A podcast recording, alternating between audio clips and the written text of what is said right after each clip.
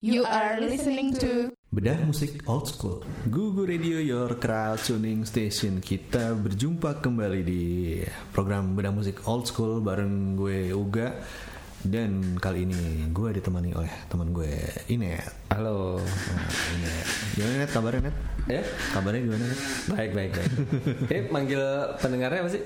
Crowd Tuners Crowdtuners. Hai Crowdtuners. baik baik baik. Nah seperti biasa di Bedah musik old school Kita akan ngomongin musisi-musisi yang tergolong lawas ya Awas. Ya dan yang bisa dibilang juga lumayan beken di masanya nih Iya gak sih? Oke, iya bener. Seperti ka- kayak kali ini kita akan ngomongin eh, sebuah band dari Inggris bukan? Enggak ya? Ya, Inggris. Nah dari Inggris Dia adalah The Lightning The Seeds. Lightning Seeds. Eh, Kira-kira pada tahu nggak nih kerasanya The Lightning Seeds nih?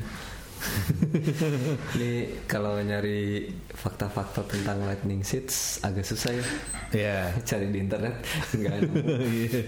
Tapi untung kita nyarinya sekarang ya. Kalau kalau dulu nggak ada internet kita harus nyari di Wah, majalah-majalah. harus ke museum apa gitu cari arsip-arsipnya. Iya.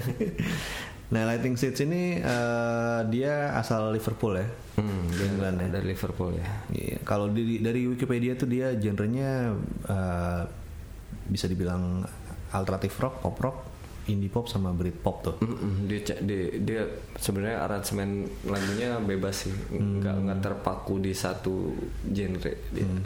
Nah itu eh, macem-macem gitu ya, tapi eh, orang lebih lebih taunya tuh biasanya di sini Britpop ya. Mm-mm. Iya. karena ya pop pop gitu kan Hmm, dan masuknya masuknya di sini kalau nggak salah pas lagi Britpop lagi berjaya ya kalau pas di sini ya. jadi pas pas pas Britpop berjaya di tahun 95 ya Britpop di Indonesia tahun 95 apa 94 sih 94 95 kali ya. Iya, karena di tahun itu masih masih Nirvana dan Green Day. Hmm, 93-an ya. Duki album Duki Iya. ya masih itu terus muncullah British Invasion sebenarnya di situ dia sedang tidak produktif ya kalau nggak salah ya Si ini. cuman si Brody ini bikin the best of Hah? Jadi itu album bukan album pertama berarti. Enggak Oh, oke. pertamanya dari tahun berapa nih Nah, kalau nggak salah ini ya, dia tuh sebenarnya sendirian ya, Net ya. Mm-mm, dia sendirian. Jadi si Ian Brody ini sebenarnya dia kerjanya adalah produser di beberapa record company, enggak. Oh, Oke. Dia eh, dia pro- dia yang iniin yang megang Echo and the Bunnymen. Hmm, hmm, hmm. Itu band kesukaannya si Chris Martin. Ya, itu itu eh, dia sendiri yang memproduserin Oke. si Echo and the Bunnymen. Terus eh uh, nggak contekan ya. Iya. dia kerja di dia kerja di menjadi produser di beberapa record company salah satunya adalah Factory Records, Creation Records sama Zoo Records. Creation tuh lumayan ngetop tuh ya. Hmm, sebenarnya ini tiga Itu ini ya. lumayan sih. Eh, kalau Factory Records kan ini eh, Manchester ya yang 24 hour party ya ini dia yang mem- menerbitkan Joy Division, New Order, Oh iya iya. Oh, terus Happy Mondays, Northside, sama James. Hmm. Hmm, dia per- pernah jadi produser juga di situ Ian Brody. Terus Creation Record lebih banyak lah ya punyanya si Alan McGee. Oh, Oke iya iya. Ya bandnya ada Adorable, ada s- soloistnya ada Bernard Butler, terus ada Fluke, ada Glenn Matlock tuh yang Glenn basisnya Sex Pistol, Oasis, My Bloody Valentine, Hurricane Number One, terus Jesus and Mary Chain, banyak sih Primal Scream, Ride, Slow Dive, iya, iya, semua di ada di Creation. Ada di Creation nih. Iya kalau yang Zuzu Records ini nggak terlalu ini sih cuman Echo and the Bunnymen dong yang gue tahu nih. Hmm, itu dia. Jadi sebenarnya Ian Brody ini adalah orang di belakang la- layar sebenarnya. Hmm, terus Jadi dia, dia emang bikin ini produser produser rekaman aja gitu. Dan secara tidak sengaja dia iseng-iseng bikin lagu. Eh res- responnya lumayan gitu. Akhirnya dia mencoba bikin album kan. hmm. setelah responnya lumayan akhirnya dia bingung tuh harus manggung berarti ya gitu Berarti kalau dia sendiri kayak ini dong ya sebenarnya kayak Nine Inch Nails, Hmm, hmm. Foo Fighters awal tuh, Foo Fighters awal kayak gitu berarti ya. Kalau di sini kalau lu lihat ininya gak kalau gue lihat contekan lagi nih. Kalau lu lihat band membersnya nih, Hah? dia eh, total ex pemain bandnya ini banyak nih. Banyak ya. Ada 1, 2, 3, 4, 5, 6, 7, 8, 9, 10, 11, 12, 13 Wah ada ini juga nih Zack Starkey. Ah, Zack Starkey.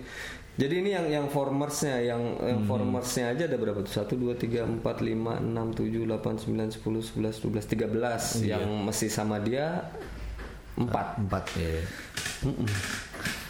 Banyak. Jadi dia memang memang modelnya kayak jamming gitu, gak. Jadi yang Oh. sebenarnya dia iseng bikin nama Lightning Seeds itu sebenarnya hanya untuk nama projectnya dia tapi sebenarnya personelnya adalah Ian Brody sendiri Hmm. jadi dia yang kayak oh manggung di sini oh, pakai siapa Eh, jamming seasonnya gitu doang jadi sebenarnya Kok tidak ada yang The tetap Dying sampai Sirens? di album keberapa gitu Mirip The Dying Sirens.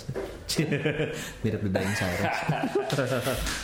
sama kayak di, di Jakarta ada ya Jamming Sirens ya.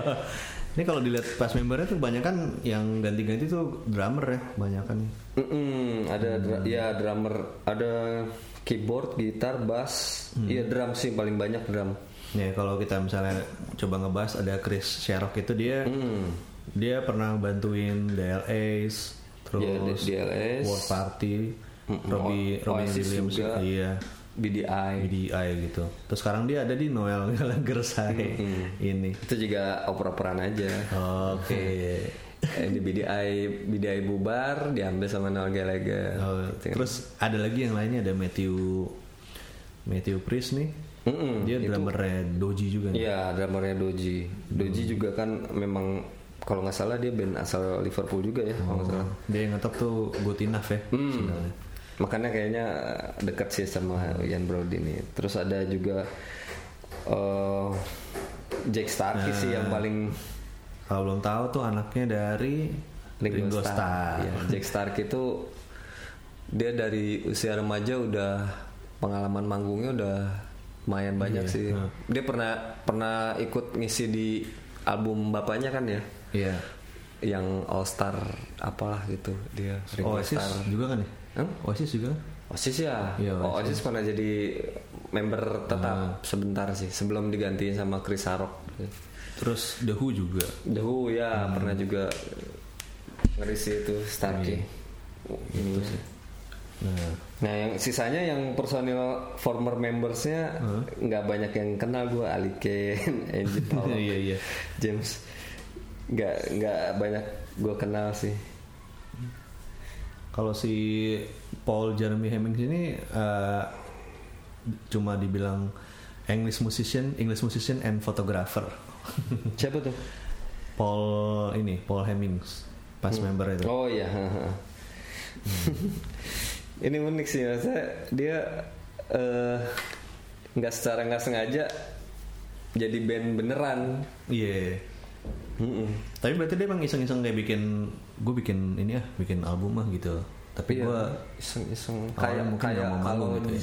di Amerika kayak The Postal Service mungkin ya. oh itu iya. menarik tuh kalau dibahas tuh. Iya. Postal Service yang band yang gabungan dari vokalis di Dead Cat. Eh, Forky itu kan sebenarnya ngebandnya cuman iseng aja dan bisa dihitung dengan jari dia manggung kan Postal Iya, Service. heeh. Berdua doang kan ya? Berdua. Iya, berdua. Nah, Lightning Six juga gitu. Hmm. Jadi dia bikin single itu pure, dia bikin terus laku gitu. Terus Hmm. orang jadi makin menunggu-nunggu kan nih bandnya kok nggak manggung-manggung sih gitu. Hmm.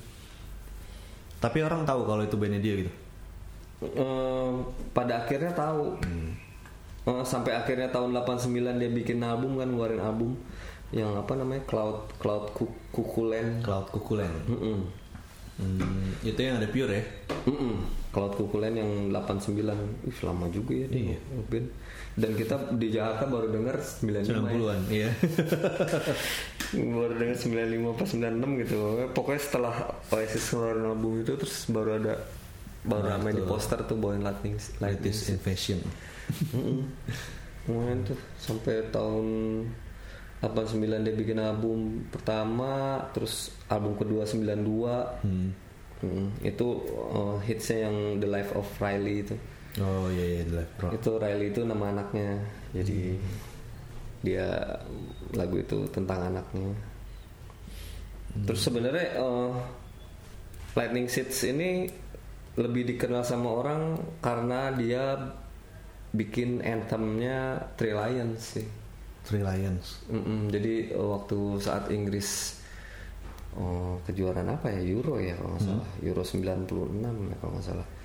Dia bikin anthemnya dan itu langsung booming di Inggris. Setiap orang nyanyiin refnya itu. Itu judulnya juga Three Lions. Tri- judulnya Three Lions Oh. jadi dia di situ ngajak ada komedian namanya Frank Frank Skinner Skinners. Frank Skinner sama David Bedil Ya itu dia yang bikin liriknya sih si Frank Skinner sih. Hmm. Tapi di situ langsung jadi kalau nggak salah chart di chart sempat nomor satu deh itu lagu itu. Yang sampai dia tuh jadi eh, bikin lirik itu untuk Euro 96 kan. Nah tapi abis itu di Piala Dunia tahun 98 di Prancis lagu itu dipakai lagi gak? Jadi naik lagi. Oh, di Prancis. kan biasanya anthem untuk satu negara mm, satu tahun tahun itu udah besoknya ganti lagi gitu. Kalau ini di- dipakai lagi. Jadi yang lucu liriknya dirubah. Hah. Jadi yang 96 pemainnya siapa-siapa ditulis di situ disebutin kan pemainnya siapa-siapa. Nah di 98 pemainnya dirubah. Oh, diganti gitu ya? Lagunya sama. Iya. Di- dirubah gitu. Itu di situ langsung meledak banget sih Lightning Seeds. Banyak dikenal sama orang se-Inggris raya dari situ sih. Sebenarnya dari yang sepak bola itu. Nah di yang apa album yang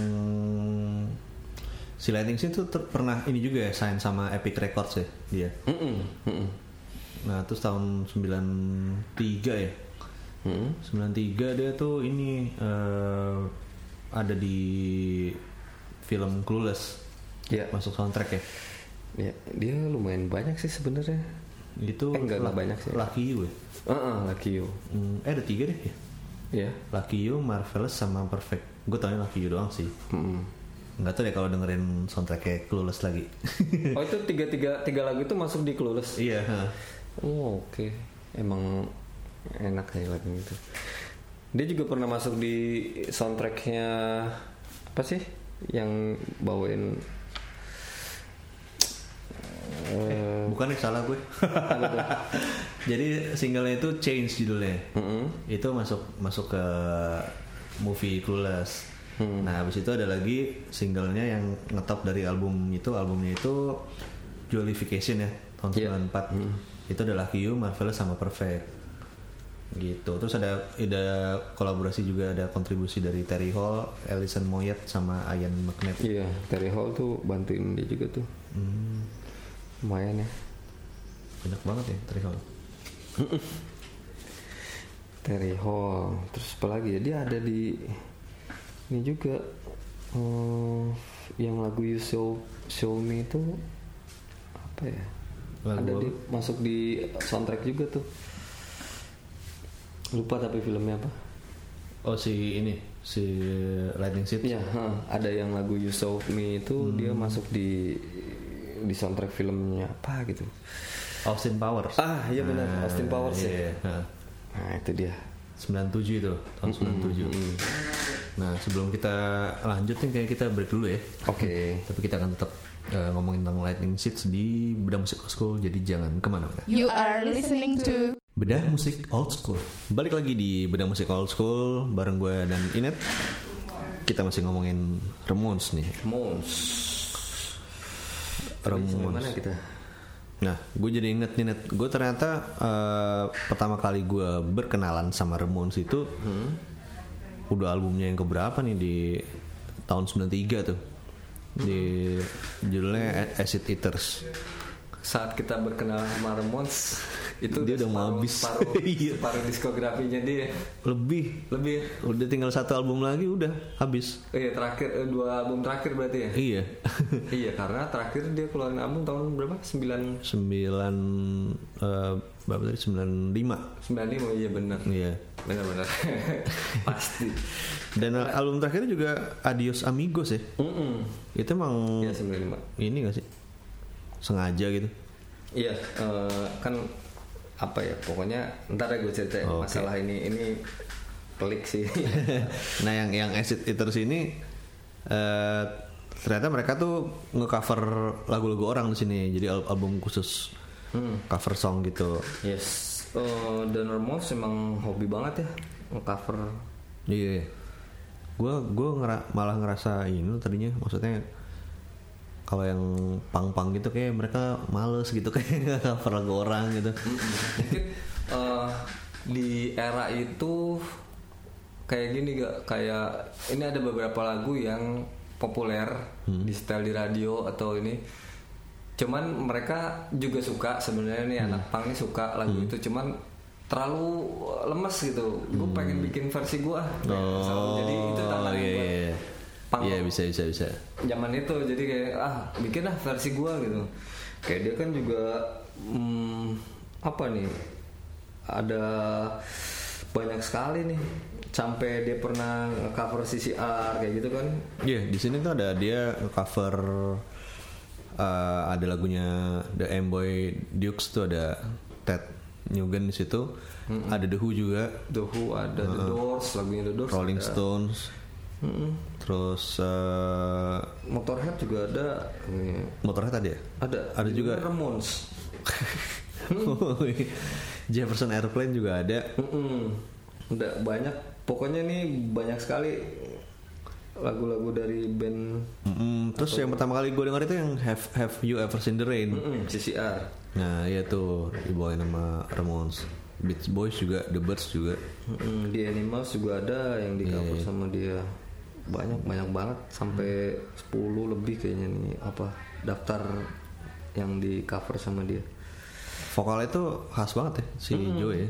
nah itu pertama kali mereka mendengarkan Joy nyanyi semua rata-rata tidak setuju Nggak Dia setuju. sebagai vokalis cuman Didi kalau nggak salah yang bilang ini eh, kan si Joni kan kebayangnya gini gue pengen vokalis yang keren Hmm. kata Joni karena ini kan leadernya di band kita jadi frontman terus Hmm. gue pengen yang keren kata Joni kalau kata Didi justru ini yang unik ini ini orang nggak keren terus oh, orang ini terdengar marah terus emang emang yang asal-asalan kayak gitu Hmm. Iya, kalau menurut si Didi ini ini lebih keren sih daripada uh, kriteria vokalis yang lu pengen Hmm. akhirnya akhirnya mereka setuju ya udah akhirnya dari situ Joey terus nyanyi Dan kalau dilihat dari eh, biasanya kan kalau kita apa namanya kenal sama satu band di album yang bukan album pertama kita kan ngetrack balik ke belakang nih album mainnya kayak gimana nggak sih gitu ya. Dan ternyata dari album pertama tuh udah banyak lagu yang gue suka gitu. Hmm. yang I Wanna Be Your Boyfriend ya kayak itu gitu kan. lagu awal-awal ya Iya. Blitzkrieg Bob tuh Hmm, itu yang lagu yang paling paling hebat yang Judy Judy Sepang Mm-mm. Blitzkrieg Bob dulu uh, pernah dibawain ada tamu di Gugu Hmm? dia main itu apa namanya Eh 8 bit Hmm?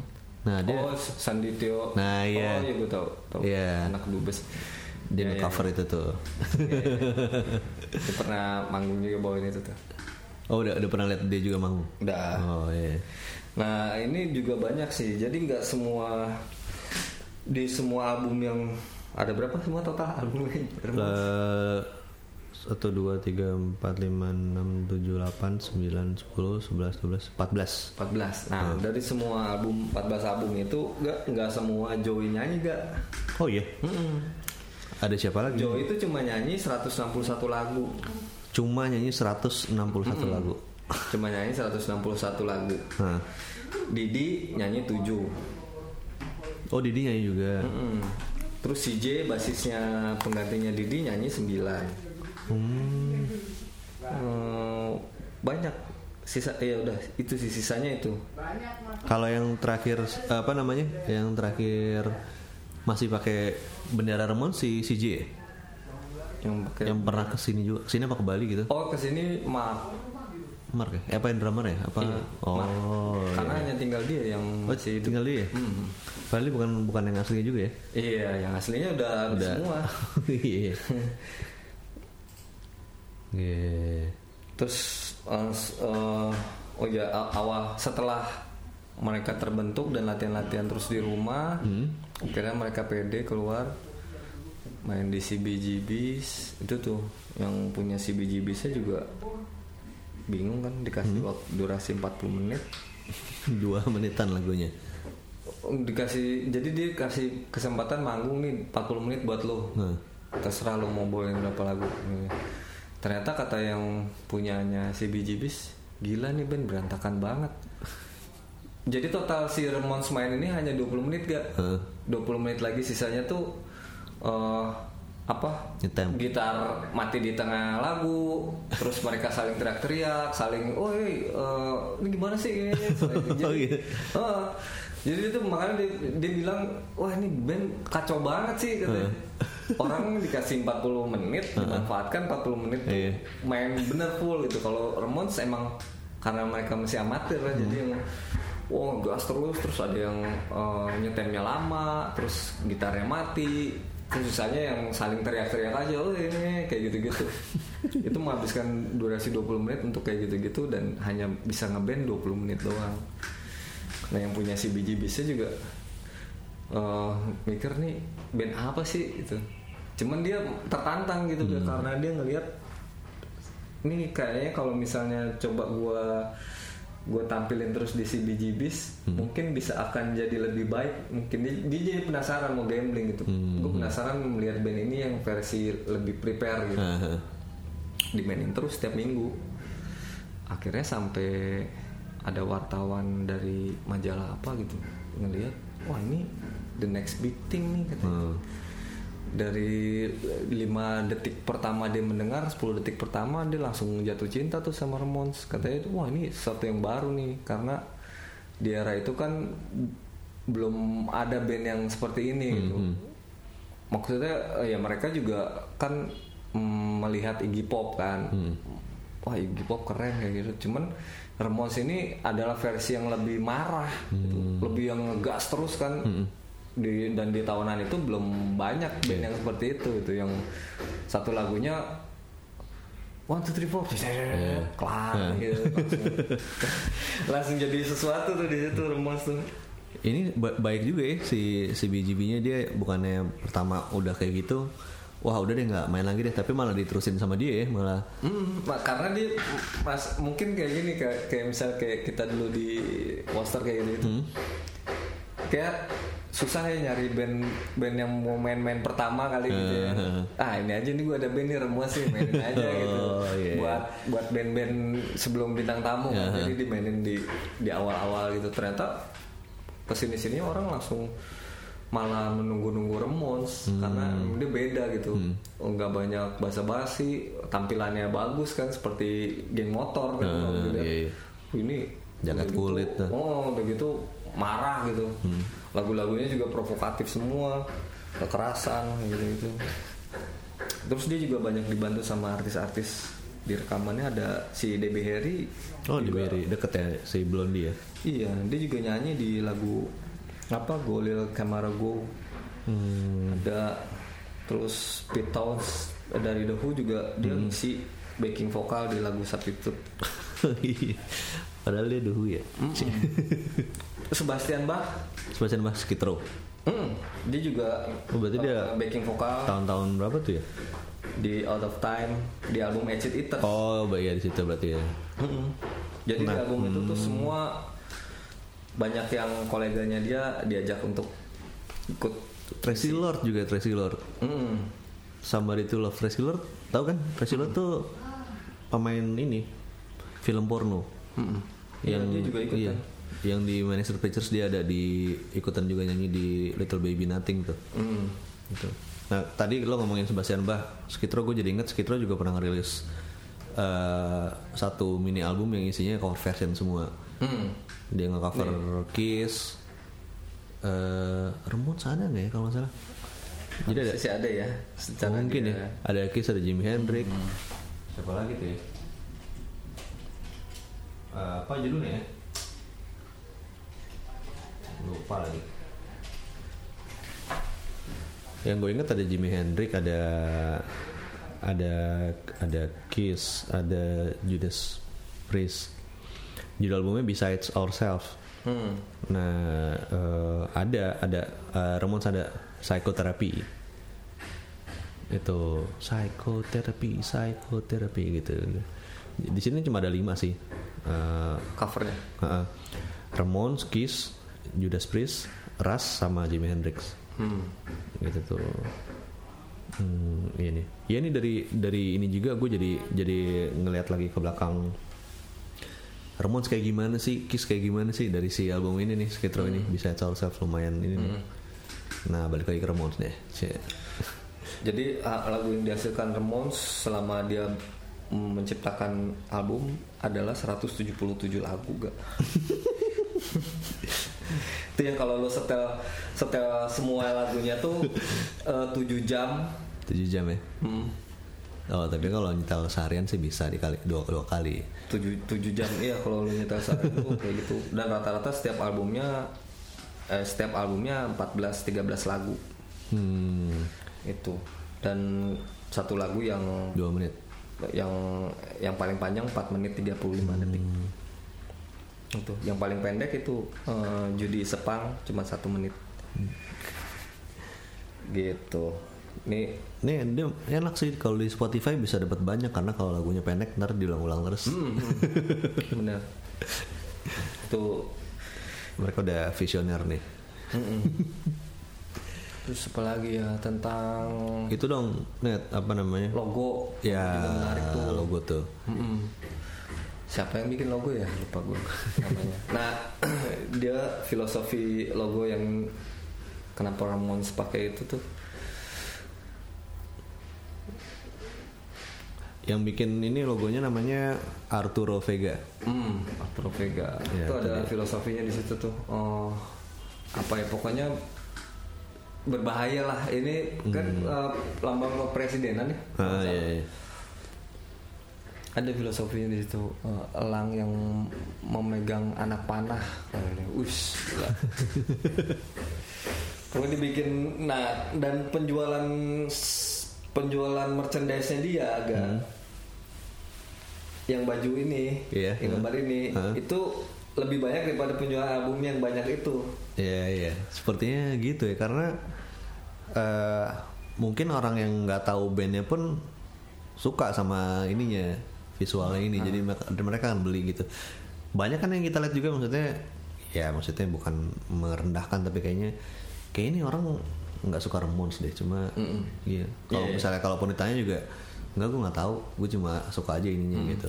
Ya, karena artwork itu kan ini ya nggak lu nggak perlu tahu eh, bandnya siapa. Kalau lu, lu lihat pandangan pertama ya. ini oke sih bagus.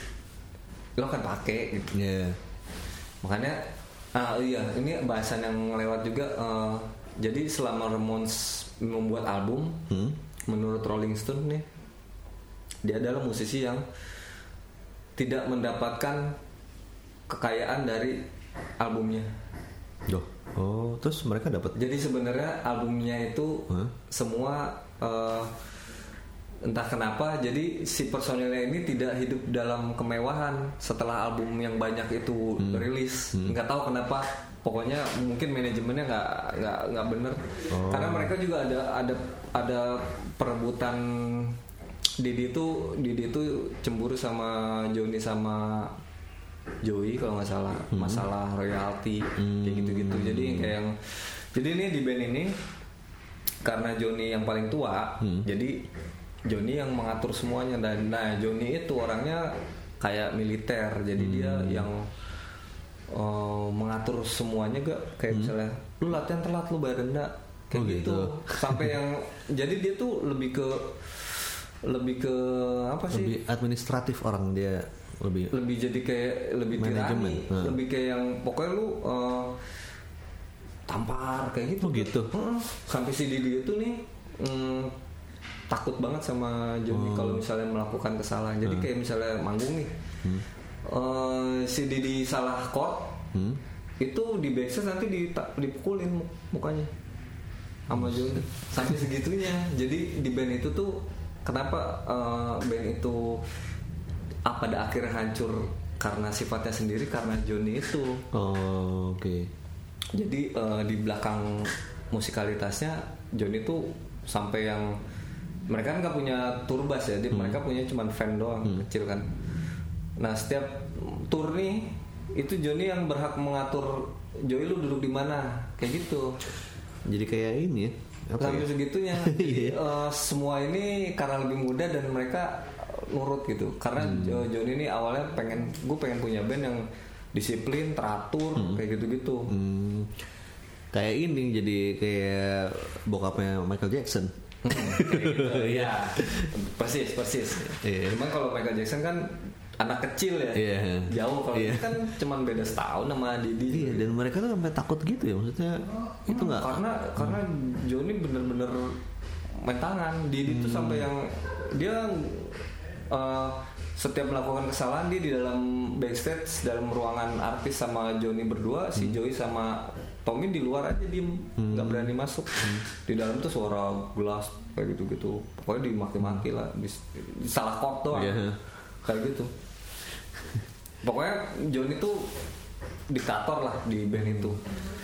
Sampai segala sesuatu yang apa ya kayak yang oh gini aja eh, pandangan politiknya Johnny sama Joey ber- sangat berlawanan.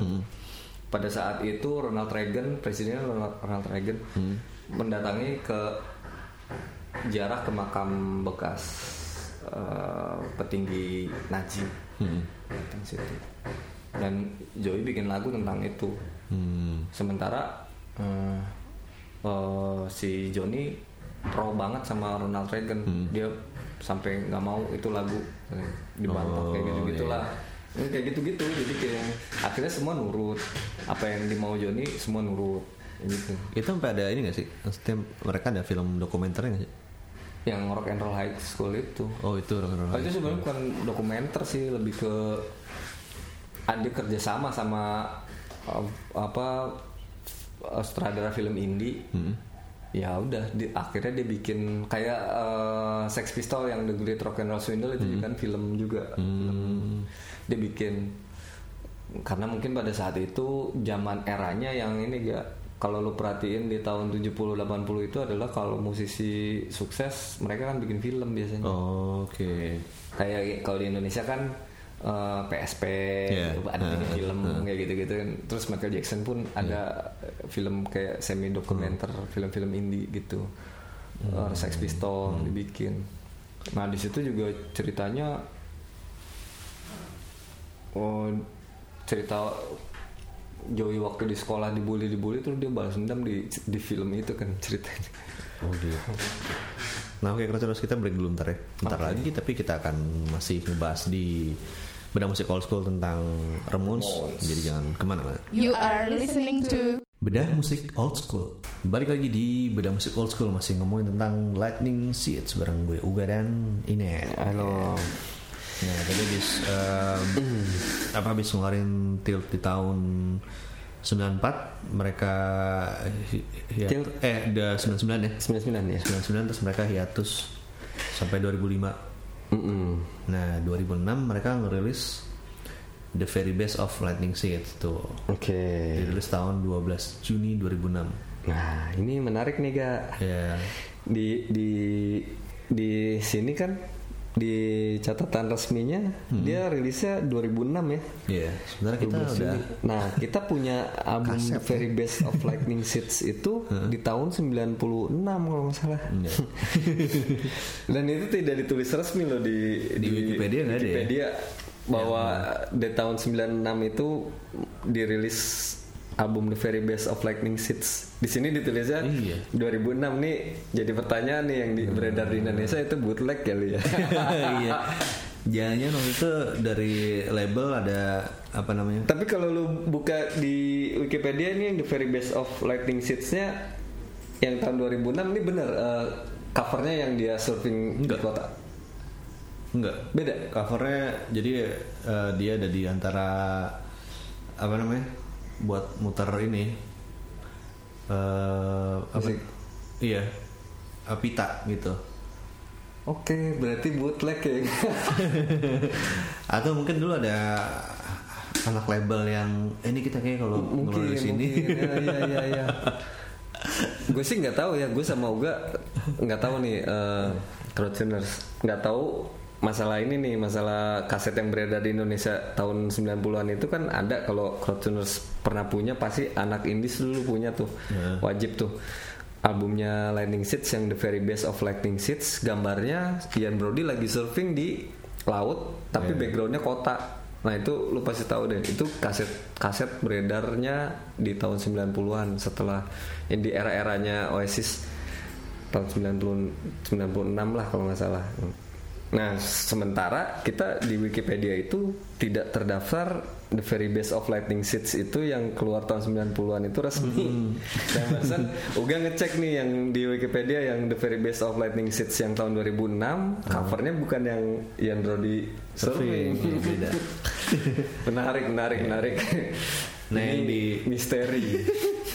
Yang di Very Best ini eh, ada re-release juga Three Lions ya. Hmm yang yang di kaset pun ada Three Lions ada. Hmm, yang jadi nomor nomor 9 di UK Singles Chart tahun 2009 oke berarti itu yang Three Lions yang eh, Piala Dunia Prancis ya?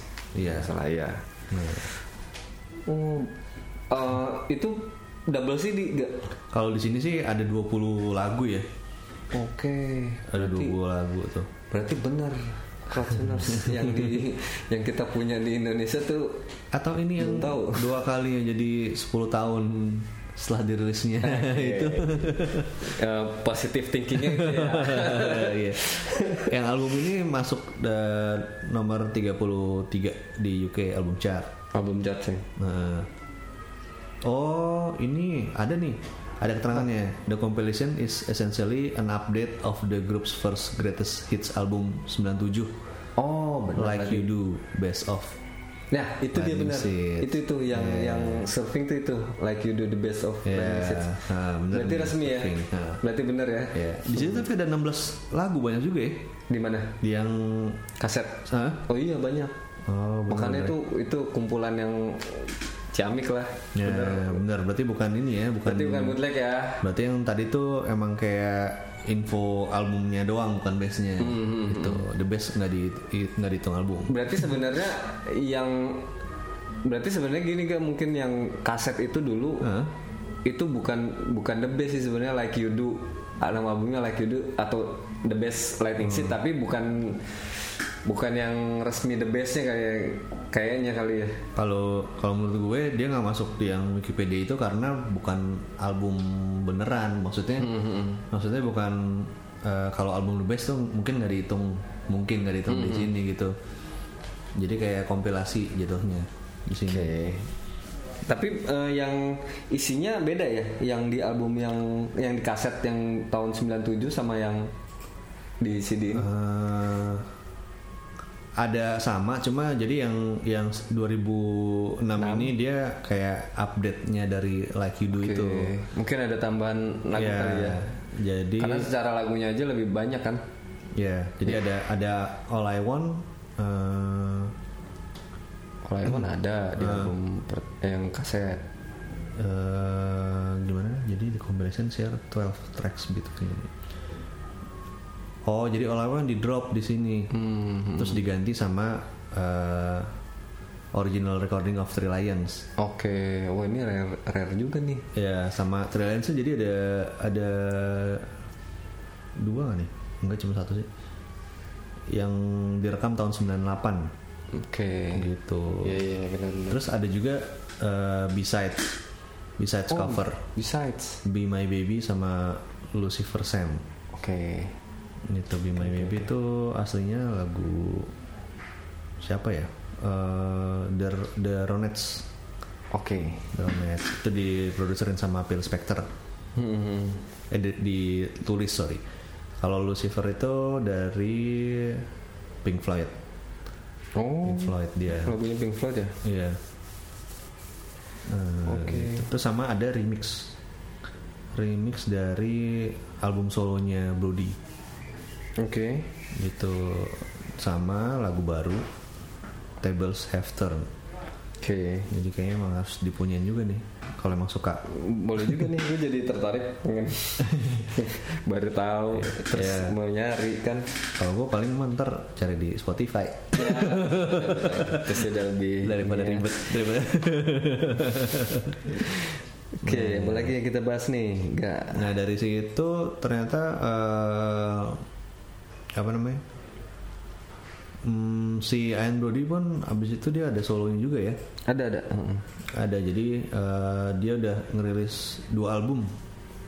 Yes. Album sama EP sih. Yang pertama Tales Told tahun 2004 sama Smoke Rings itu EP. Nah ini gue yang nggak denger nih. Gue juga nggak denger sih.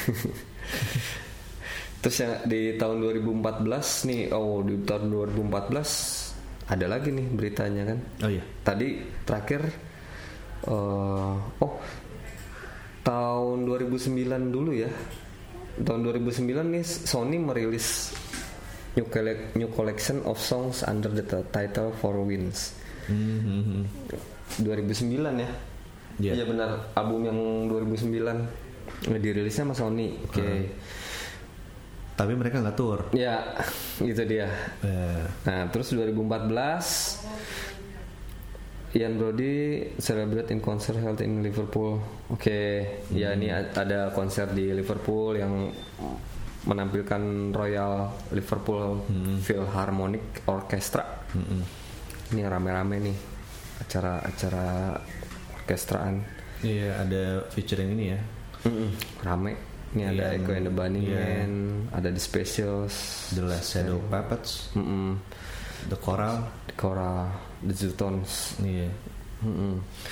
Terus di 2014 lagi Lightning Seeds juga join lagi di ini. Oh ini yang tadi ya. Oh, Nah yang that- tadi di Royal Liver- Liverpool Philharmonic itu katanya difilmin tapi belum dirilis nih. Oke. Nah, Gua jadi lebih tunggu kita nih. siapa tahu nunggu orang-orang lupa habis itu jeder. Mm-mm. Siapa tahu ada yang meninggal.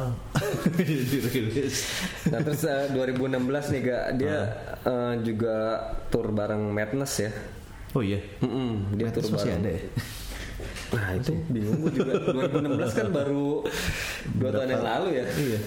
Iya dia dia eh, support Madness di pre Christmas Arena Tour. Hmm. Jadi eh, jadi band pembukanya Madness Oh, Oke. yang tidak saling berkaitan genrenya tapi Iya. bonus lah mungkin kalau anak lama wah suka Madness. Wah bonusnya Lightning Seeds gitu kan. Iya. Kapan lagi gitu.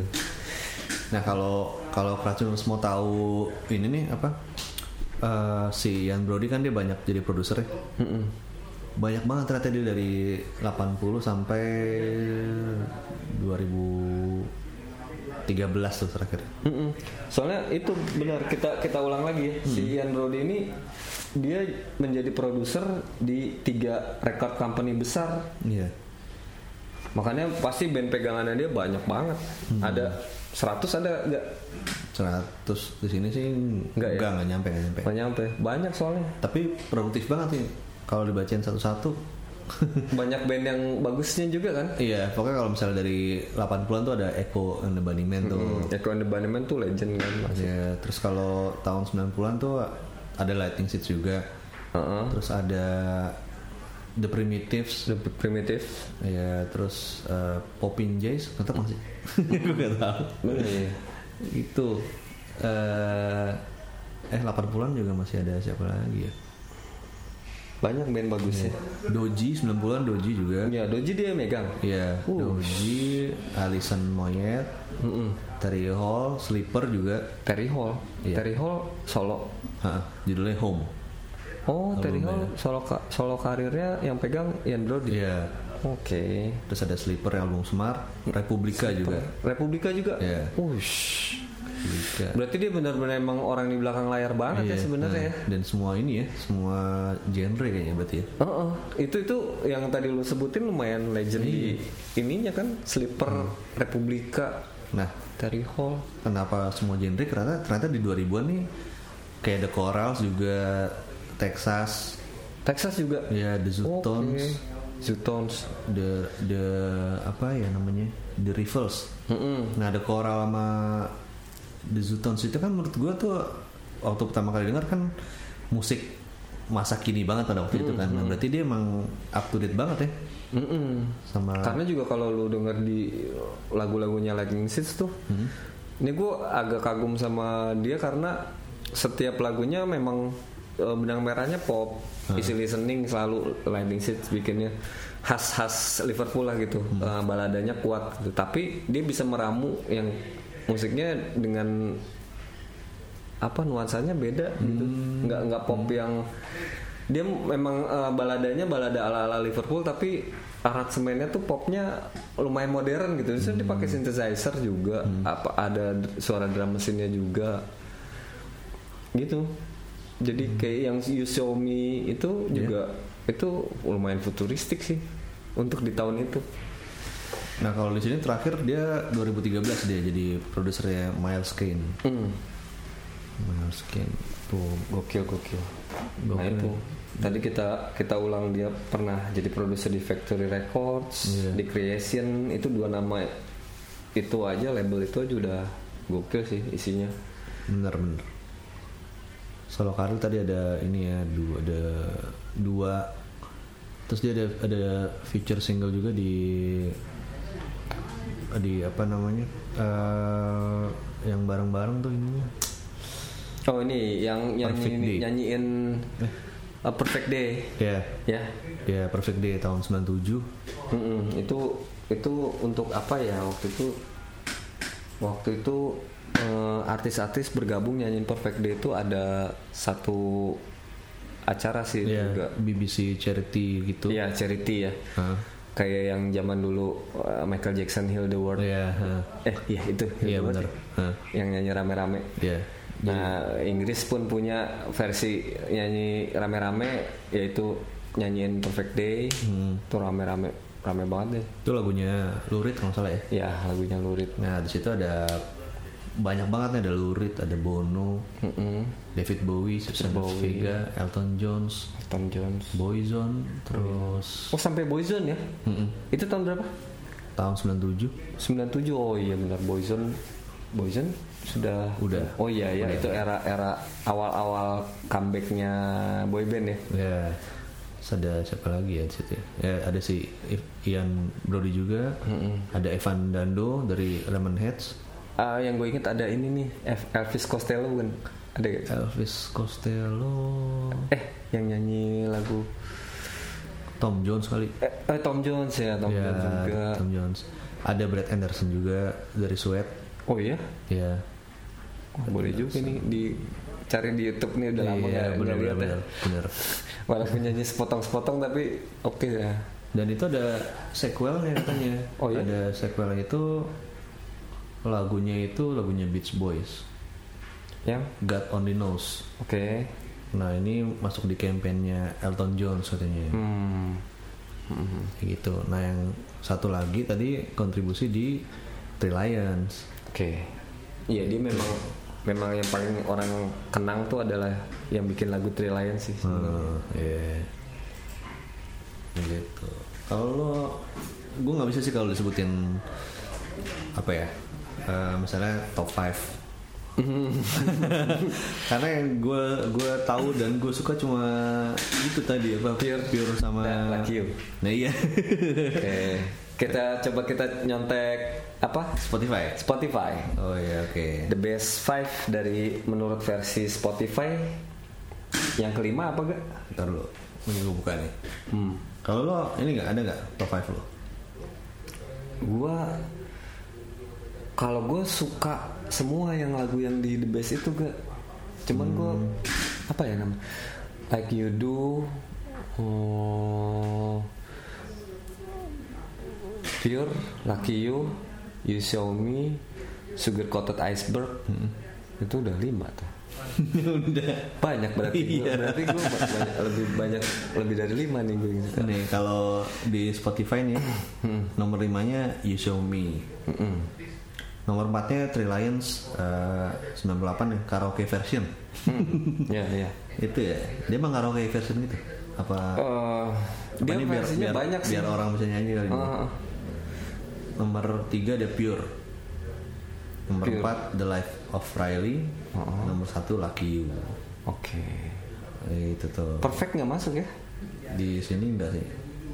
Belum. Ini kan suka ganti-ganti ya maksudnya yang yang sekarang lagi nomor 5 Oh oke oke oke.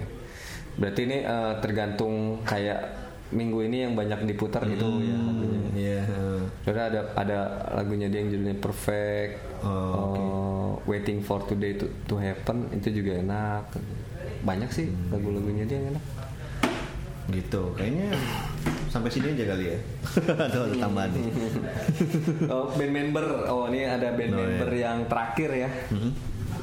Ian Brody sampai saat ini Lightning Seeds itu sisanya setelah yang 12 kali ganti personil. Ada yang sampai present sampai sekarang nih Ian Brody lead gitar vokal keyboards. Eh oh ya Ian Brody tuh bisa main semua alat musik gak Oh iya, dia lead gitar ya. dia semua bisa. Dia drum bisa nyanyi. Ya itulah. Pokoknya dia bisa semua. Iya, vokal, gitar, bass, keyboard, drum. Ini Ian Brody di lead gitar vokal keyboards, terus ada Martin Campbell bass backing vokal, terus Riley Brody ini anaknya Ian Brody akhirnya jadi gitarisnya Lightning Seeds. Oh iya. Mm-mm. Dia mulai eh, si Riley ini masuk mulai dari tahun 2009. Yang pas album itu Four Winds. Yang The Life of Riley itu buat dia kan? Iya, itu lagunya lagunya dia. Lagu untuk Riley. Terus ada Abby Hardings, dia main saxophone, keyboards, backing vocals. Dari 2016 dia sampai sekarang. 2016 berarti eranya setelah hiatus ya. Hmm, Terus Jim Sarok drums. Ini kayaknya saudara nama ini ya. Coba. Sama Chris Sarok. Chris Sarok siapa? Si Oasis. Drummernya iya DLS Oasis BDI. Ini namanya sama Chris Sarok. Chris Sarok sama Jim Sarok. Mungkin, mungkin. Abby Harding ini yang cewek bukan ya? Abby Harding. Lupa gue. Jadi dulu ada keyboardisnya oh, Lightning Seeds, dia cewek gak Oh. eh dia sih kayaknya cowok deh. cowok ya Abby Harding ya. Hmm. Nah jadi si si keyboardisnya Lightning Seeds yang dulu ini, iya benar-benar. Ini yang yang sekarang keyboardisnya baru masuk tahun 2016. Tapi kalau nggak salah Abby Harding ini juga masuk di The Zootons. Oh ya? Iya. Keyboards, keyboards. Jadi dia ada di The Zootons juga. Hmm, Nih, ada namanya Angie Pollock. Keyboardisnya Lightning Seeds dari tahun 96 terus sampai tahun 2000. Terus 2009 dia pernah balik lagi. Si Angie Pollock ini dia eh, salah satu personil yang paling dicintai sama fansnya kayak kayak kalau di pub Kandida gitu lah Hmm. Kandida Doyle tuh banyak fansnya terus tiba-tiba dia cabut terus banyak yang juga agak kecewa kayaknya udah semua ya kita bahas tentang Lightning Seeds iya nih. dan Lightning Seeds sampai saat ini tidak bubar ya Hmm, masih tetap ya. masih tetap ada cuman ya nggak tahu kesibukannya apa mereka cuman cuman tidak disebutkan bahwa mereka bubar gitu. Iya benar. sampai saat ini datanya tetap ada berarti band ini Lucu sih kalau tiba-tiba ngerilis sesuatu gitu ya. Hmm. Tiba-tiba gitu. Eh, dia pernah main di Jakarta kan Eh, iya, gue lupa deh. pernah iya pernah, iya pernah pernah, pernah, ya. pernah. gue inget Miki waktu itu nonton ya waktu itu gue nggak bisa nonton tuh yang yang kalau nggak salah yang festival yang, Yang- ada banyak band itu yang, yang ada, ada- Kule Shaker kalau nggak salah ya Kelas Shakers apa Bukan ya? Iron Brown? Lupa iya Ian Brown kalau nggak salah pokoknya inget inget gue anak-anak dulu pernah ngajakin nonton pada saat gue lagi nggak di Jakarta Lightning Seeds ya benar-benar pernah datang ke Indonesia Wah kalau nonton bisa gue tanya nih. Deh. yang nonton siapa? Arul kayak nonton ya? Arul pasti nonton Iya iya. Iya anak-anak rata-rata pas pada nonton sih Nah itu berarti kan sebenarnya belum itu berapa tahun lalu ya? Itu mungkin sekitar tahun 2012 Oh, iya, 2011 iya, iya, lah iya. tahun-tahun itulah Itu pas ada J- JRL abis itu yang smashing ke sini gak sih? Iya iya. Nah, Pokoknya soalnya- yang yang acara-acara yang zamannya ini Java. Iya, soalnya waktu itu seinget gue gue nggak nonton si Ian Brown itu karena udah nonton bareng Smashing di Singapura sebelumnya. Hmm, Nah, gue jadi nggak nonton tuh di Ancol kalau salah gitu ya. Iya itu tuh tahun segitu berarti. Hmm, ya pada saat itu kalau nggak salah konser yang di Jakarta seringnya festival kayak gitu tuh yang yang rame artisnya. Nggak nggak konser tunggal. Oh, bener tuh lupa nih sampai lupa dia pernah ke Indonesia. Iya. Oke, Prasinus kalau gitu sepertinya sekian dulu eh, pembicaraan kita tentang Blinding Seeds ya. Iya, kupas udah Iya. tuntas tuh kupasannya tuh. Ian Brody juga dari kupas tuntas. Iya. Berdasarkan Wikipedia. Iya. Terima kasih kepada Wikipedia. Wikipedia. Terus kalau mau dengerin Google Radio bisa langsung streaming online di uh, via browser di google.fm atau install aja aplikasi Android atau iOS-nya. Oke, beda musik old school akan kembali lagi membahas musisi-musisi yang keren menurut kita. Jadi jangan lupa buat dengerin terus Google Radio ya. Nah, gue Uga, Eh, gue Inet. kita pamit dulu. Dah. Dah. Google Radio, your crowd tuning station.